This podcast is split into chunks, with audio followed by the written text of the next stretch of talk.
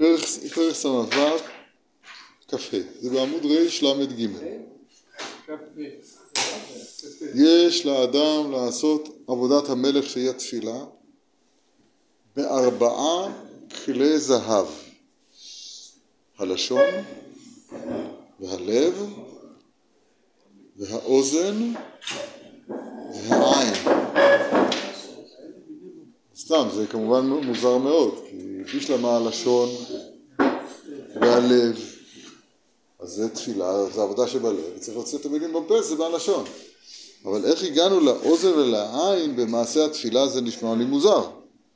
אומר הרב, דהה צריך אדם לסתום עיניו בתפילת לחש ולהשמיע לאוזנו אפילו בתפילה דיבר לחש לכן ייזהר שלא יחסר ולא יפגום אחד מהם כלל בשום זמן כלל, וכל שכן בשעת העבודה.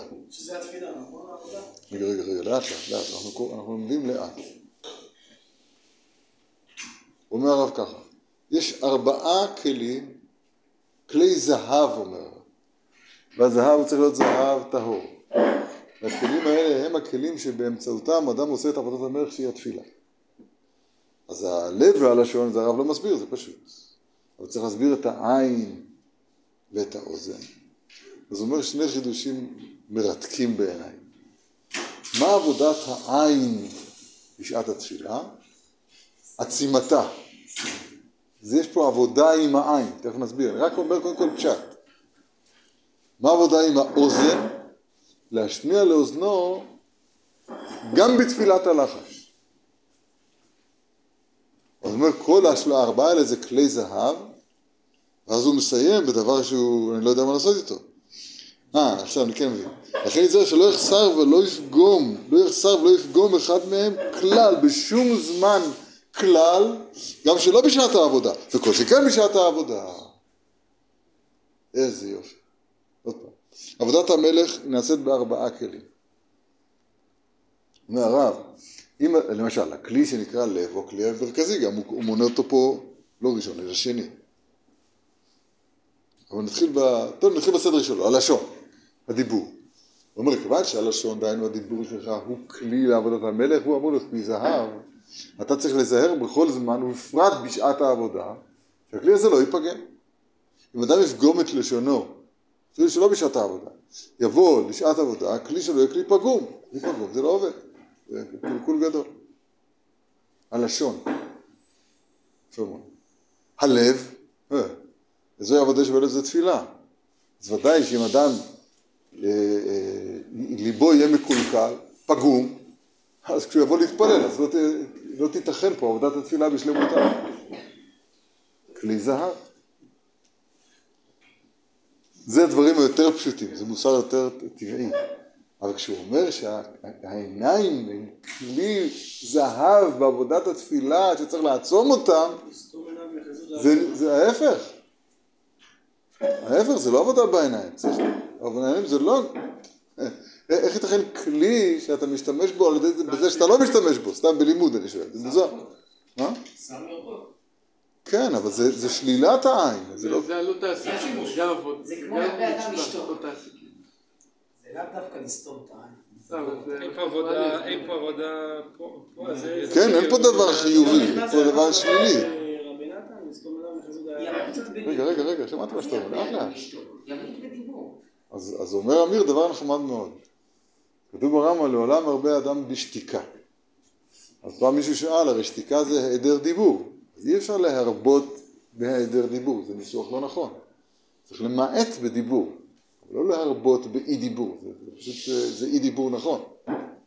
רואים מכאן, אומר אמיר בחוכמתו, שהשתיקה הוא, הוא עבודה חיובית של, הדיב, של, של, של כוח הדיבור, של הפה. אותו דבר, ותכף נסביר את זה יותר, כמו שאתה אומר, נכון, אבל לאט לאט, בדרכי הלימוד. העין עובדת בזה שהיא לא רואה. זה מדהים. עצימת העיניים זה עבודה. מה, מה פירוש הדבר? מטבעה של העין זה לראות. כן, זה שאתה סוגר אותה, כן. זה העבודה, זה העבודה, זה העבודה. כן, אבל יש פה נקודה יותר עמוקה, זה לא עבודה בשלילת הראייה, אלא כמו שאמיר. כמו עם השתיקה. עכשיו. כן. טוב, זה סגירת עין מכל דבר אחר. שחי כתוב שגם אם הוא, כן, פרשת השבוע, ש- שאפילו לא לרגע לא יסתכל מחוץ למילים שהוא קורא. בסדר, זה גם נקרא עצימת העין. עכשיו, ודאי שעומק הדבר הוא כמו שאומר מור, שהכוונה היא נחזו דהי עלמא. כי המר... כמו בקריאת שמע למשל, שהמנהג הוא לתת את הידיים על העיניים. כי מראה העולם הזה, אז הוא ב- ב- מרחיק אותנו מתפיסת העמידה מול השם יתברך. מראה העולם הזה, שהוא כולו גבול, שהוא כולו מידה, כולו זמן, אז הוא אה, מפקיע אותנו מהיכולת של העמידה לפני המלך.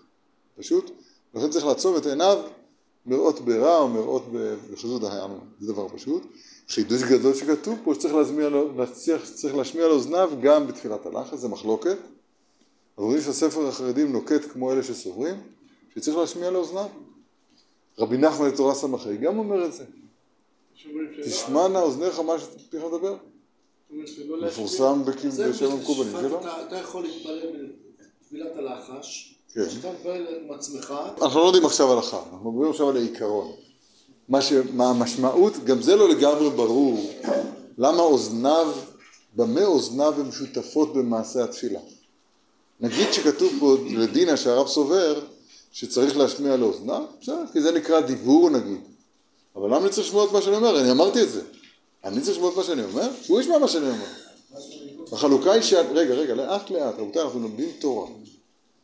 אני, הטה, השם אוזנך הוא שמע. אני חרש, בסדר, אני לא מתפלל, מה הקשר? אני, אני צריך פה בתפילה לדבר, לא לשמוע. איך האוזן שלי הוא כלי זהב שצריך להיזהר מלפגום אותו, זאת התפילה שלי. זה דבר מאוד מוזר. לא, על העין פירשנו, שהכוונה היא שאני, צריך? לא, אני צריך להשמיע את מה שאני אומר. שם בעין, האוזן, האוזן היא ה... פשוט, שנייה. בעין, העין לא קשורה באמת למעשה התפילה, נכון? רק אני צריך לא, לא לראות את מראה העולם הזה כשאני מתפלל. אבל כאן אני צריך באופן חיובי לשמוע את מה שאני מוציא בפה, וזה דבר מוזר מאוד. למה אני צריך לשמוע את מה שאני אומר? הוא צריך לשמוע את מה שאני אומר, לא? מה, אתה מתרץ מה שאני שואל? אני מכיר את תירוץ אחד לזה. אבל זה בשביל צריך ללמוד תורה ס"ח ברבי נחמן, וזה לא הזמן לזה. והרגל אחת. על אוזן אחת. בקיצור, מה שהוא אומר שם כדאי לראות מאוד. אז הוא אומר שם, קשה להגיד שהספר הזה מתכוון, מתכוון לזה, אני לא יודע אבל תירוץ אחר. הוא אומר שם, טוב, לא נדבר על זה עכשיו. תעיין שם, יש פה מספיק זמן.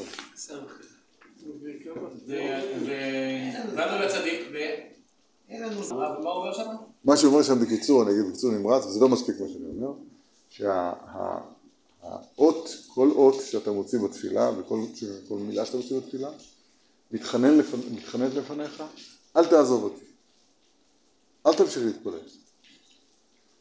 אבל הדיבור הזה אומר, אני מבין שאתה כן צריך להתפלל, אין לך ברירה. נכון. אבל כשאתה ממשיך להתפלל, אל תשכח אותי. באופן שאדם, זה דבר מוזר גם, כן? שאדם כל התפילה כולה, אז הוא, כן, אז, אז, הוא, אז הוא בעצם מחזיק, כשהוא נמצא בסוף הוא מחזיק עדיין. הוא, הוא מחזיק עדיין את כל מה שהוא אמר עד עכשיו. זה מביא קישור, שיהיה כולו, כל התפילה כ- כיחידה אחת בלי שום הפסק, כמו שעושים הקרלינים, לא, לא יודע, יש כאלה שנגיד מתפלפל, ב- עיין שם שהרמז הוא שהתפילה היא. חיבור שלך למי שנמצא מעל הזמן. ומעל הזמן אין, אין, אין קצת, אין גבולות, אלא הכל הוא אחד, אבל עיין שם, אמרתי, הזהרתי אתכם, עיין שם. טוב. נשמע. כ"ו אף על פי שאדם עצב מצד עוונותיו בזמן הספ- ספר חרדים היו לאנשים עוונות אז הם היו עצובים מזה ככה משמע כאן מדקדוק הלשון. אבל בכן הוא אומר לאנשי דורו שהיו עצבים מחמת עוונותיהם, זה לא קשור אלינו ממש. צריך, צריך להיות שמח בשעת עבודה. זאת אומרת, זה בסדר. זה שאתה עצוב מצד עוונותיך זה מצוין, נכון. אבל בשעת העבודה צריך להיות שמח. תכתיב, תחת אשר לא עבדת את השם אלוהיך בשמחה ובטוב לבב, וזה בכלל כל עבודת השם. קל וחומר עבודת התפילה שנקראת עבודה שבלב בלהדיא, אז שם ודאי צריך להיות בשמחה גדולה. מה זה שמחה? נגיד משהו לכבוד פרשת השבוע. הייתי דחביבה לי, וייחד יתרו. שני פירושים, הדרשה היא, בשרו נעשה חידודין, חדודין. וכאן למדו, אומר רש"י, שגר, הרמאה, אל תבזה את עבודיו בפניו. למה? הוא עדיין אה, מצטער מזה. אבל, אבל הפשוט של וייחד, או תרגום של אונקלוס, וחדי יתרו. לשון שמחה, מה שנקרא בלשון הקודש חדווה. וייחד, לשון שמחה. שמחה טבעית.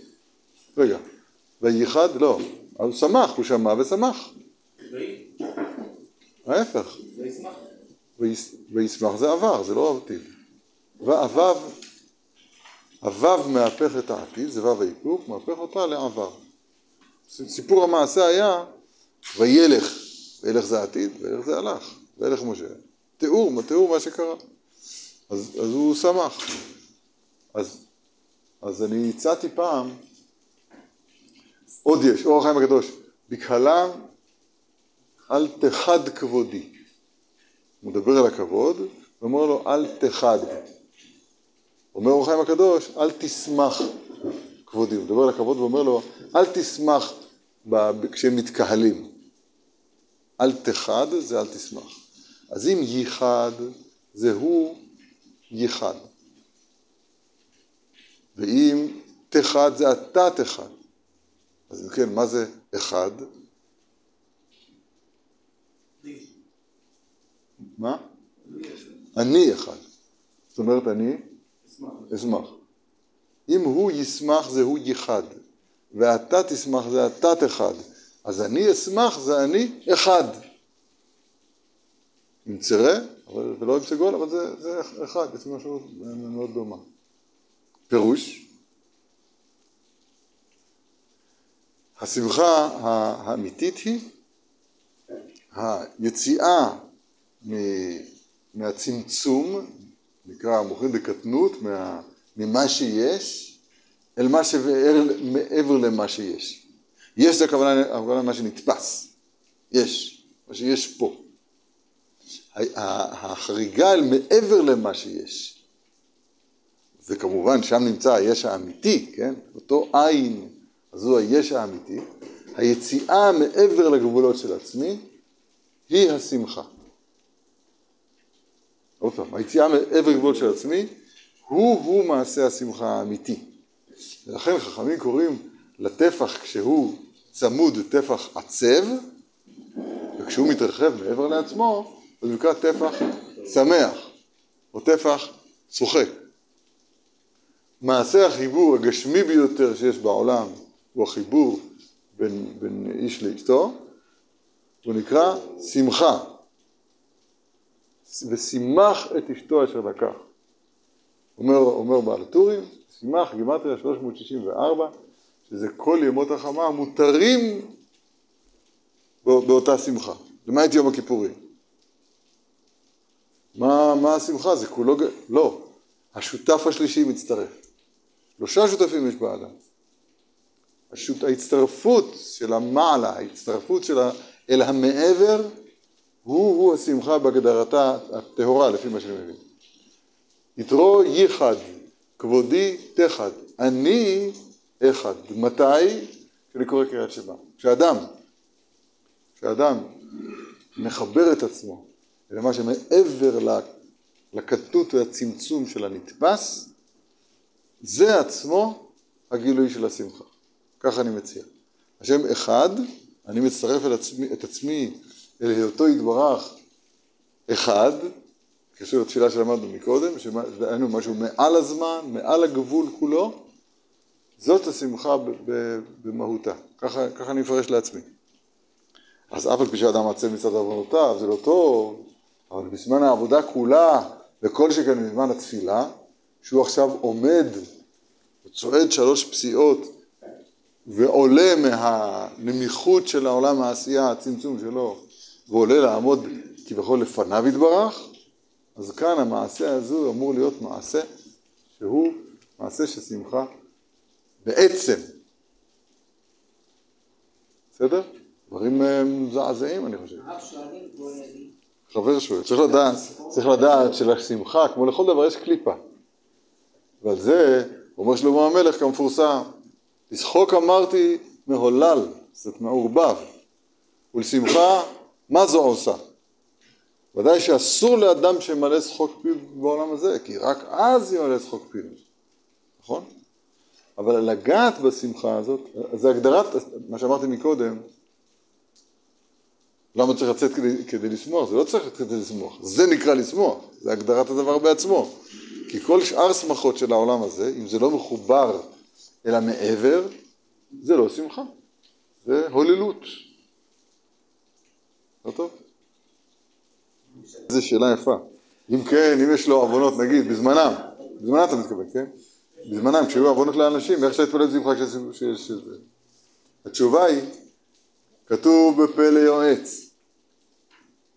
כתוב בספר קדוש פלא יועץ. ראינו את זה כבר כמה פעמים. פנינה נפלאה ונוראה.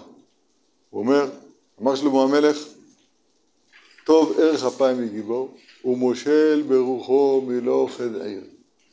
מושל, אדם יכול למשול ברוחו, לשמוח כשירצה ולהתעצב כשירצה. אנחנו לא, לא מבינים על מה מדובר בכלל, כי אנחנו חיים על פי מצב רוח. אנחנו צריכים מצב רוח. אנחנו, אנחנו, אנחנו, אנחנו, אנחנו כל כך רחוקים מצורת אדם. כל העניין הזה של מצב רוח. כן, כאילו הביוכימיה, ההורמונים, המזגן קובע את המצב רוח שלי. הרוח שבמזגן קובעת את מצב הרוח שלי. זה מאוד מאוד עצוב. הרב תלמיד, הרב תוריד, מחילה, אתה כהן, תוריד את זה ל-23. יהיה עצובים. לא. זה, זה, זה נמיכות, זה נמיכות שאין דוגמתה, חיים על פי המצב רוח. מצד האמת, אדם צריך להיות מושל ברוחו. מושל ברוחו, ישמח כשירצה ויתעצב כשירצה. עכשיו, גם כשהוא מתעצב מהעוונות, זה בגלל שהוא רוצה להתעצב מהעוונות. למשל, יש לזה זמנים, אה, זמנים מדויקים ביום. למשל, כשהוא אומר וידוי. למשל,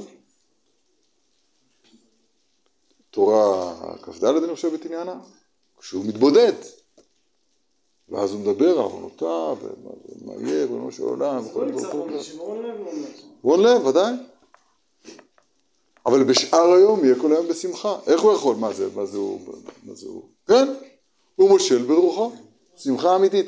רק לא שייך שמחה אמיתית, לא שייך שמחה אמיתית למי שלא מבין את הסוד הזה של אה, של, אה, לדעת משהו מהשם יתברך. זאת אומרת, מה שאני מתכוון להגיד לא ציור תיאורטי מן השפה ולחוץ, אלא שהדבר הזה הוא, יש ר- הרמב"ם בפרק נ' אומר, ש... שלהגיד את הדברים שאתה מאמין בהם בפה זה כלום, כלום, זה כלום, לא זה כלום, אני מאמין בזה, אנחנו קוראים לזה היום סיסמולוגיה, תורת הסיסמאות. הוא מכריז שהוא מאמין בכל מיני דברים. אם הדבר שאתה אומר שאתה מאמין בו לא מצטייר בנפשך, כך הוא אומר שם, זה לא הופך להיות אמיתי בנפשך, זה לא מרגש אותך. זה לא, אתה לא מחסיר פעימה כשאתה מדבר על זה, אתה לא... זה לא מסתער בנפשך. אז זה הכל מהשפה ולחוץ, אין בזה כלום. צריכים שהדברים יהיו ממשיים אצלנו. אבל אין בזה מתוך שלא נשמע, יבוא נשמע. מה לשמוע, אז אז הכוונה היא שצריך מה שחייבים לעשות, חייבים לעשות, ודאי. כן, גם הדיבורים האלה הם לא בנפשי. אבל לא. הם יבואו, אני אכניס את הכתב. כן, אז צריכים לחזור על זה. רב ישראל סלנטר אומר, כשאתה לומד מוסר, תלמד קודם כל את הסוגיה בעיון, כדרך הלומדים, אחר כך שב בבית המוסר, תלמד אותו בשפתיים דולקות. זה צריך להצטער בנפשך. למשל, שיש עונש, נגיד אם נדבר ברמה של שכר ועונש. או יותר נכון מזה, זה יותר עמוק מזה, ש, שיש השם יתברך, יש עולם הבא, יש תכלית פה לחיים. וזה צריך להיות מצויר בנפשי ולא מופרך מפי כסיסמאות. כן, אבל גם זה עוזר. אז מה, לדעת הרמב"ם אז אני לא אדבר? לא, תדבר אבל באופן אמיתי. לא, גם אם עכשיו אני לא מרגיש כלום, כאילו אמונתך בפי, אני לא מרגיש כלום. תשתוק, תשתוק, זה לא- יכניס לי לראש. לא יכנס לראש, דמיונות. אז מה יעשה? המדמה. יעשה? המדמה. לא, למה? מה? אתה יהודי. סליחה, אני מבקש ממך לא להגיד רבי נחמן בקול רם, כשאני פה.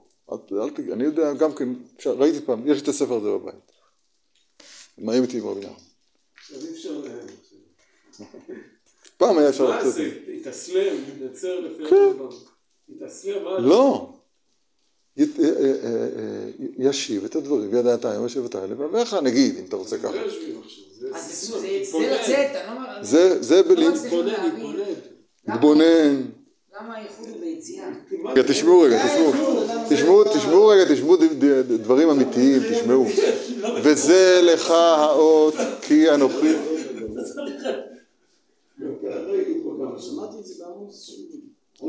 וזה, יש כלל כזה, כשאני מדבר אתם צריכים לשתוק, מה נעשה? זה כלל כזה ישן. וזה לך האות כי אנוכי שלחתיך. בהוציאך את העם ממצרים, תעבדון את האלוהים על ההר הזה. הערה שלי. תעבדון זה לחמישים יום. חמישים יום לא הייתה שם עבודה, הייתה שם קבלת התורה. זה הערה נכונה או לא? יפה. אז רואים מכאן שהעבודה שאנחנו מדברים עכשיו עליה כאן, בשעת עבודה, אז בוודאי אין לך עבודה, זאת אומרת, תפילה נקראת עבודה, אבל אני אומר גם תורה נקראת עבודה. והעבודה של תורה היא העבודה הכי משמחת בעולם. יש גלטל בהקדמה, מפורסם. זאת אומרת שוב, גלטל בהקדמה, הוא אומר שהעסק בתורה, השמחה צריכה להיות חלק ממעשה שמחה היא לא רק תוצאה של לימוד התורה. זה לא שמותר ללמוד תורה בשמחה. צורת לימוד התורה זה בשמחה. למה? אז פה החבר של, של, איך קוראים? של אמיר אומר, אנחנו לא יודעים מי זה, אבל החבר של אמיר אומר, שמה זאת אומרת, אדם לומד תורה, אז עכשיו הקדוש ברוך הוא מלמד את התורה. זאת אומרת שהוא יוצא, זה נקרא לצאת מפה. כשאתה, צא ולמד. כשאתה לומד תורה, אתה לא מסתכל, ב, ב, אתה לא חושב על הפרה ועל השור שלך, ובטח לא, לא על הצרורות, ולא על האדם חסר חושב שלא מדעת. אין לך, אנחנו לא מדברים עלינו בכלל. אתה יוצא, צא ולמד, אתה יוצא מה, מה אתה עוצם את עיניך מחזמות די עלמא, ואתה נכנס פה לאיזה עולם שהוא מחוץ לנו. נכון? זה ייחוד, זה לצאת. כן, הנה. אני רוצה לקרוא את זה עוד פעם ולסיים. על פי שהאדם עצה מצד עוונותיו, טוב מאוד. אבל צריך להיות שמח בשעת עבודה. תכתיב תחת, זאת אומרת כל הקללות באו בסיכום, מפני שתחת אשר לא עבדת השם אלוהיך בזבחך ותו לבב מרוב כל. וזה בכלל עבדת כל עבודת השם. כל עבודה. תורה, מצוות, חסד, תיקון המידות, מוסר, מה שאתה לא רוצה. קל וחומר בעבודת התפילה, שנקראת עבודה שבלב, שבוודאי שהיא צריכה להיות בשמחה, ולכן עכשיו מתפללים, ולא עכשיו בשמחה בזאת השם תפילת מנחה. זה קל וחומר. קל וחומר שזה נקרא עבודה. כן.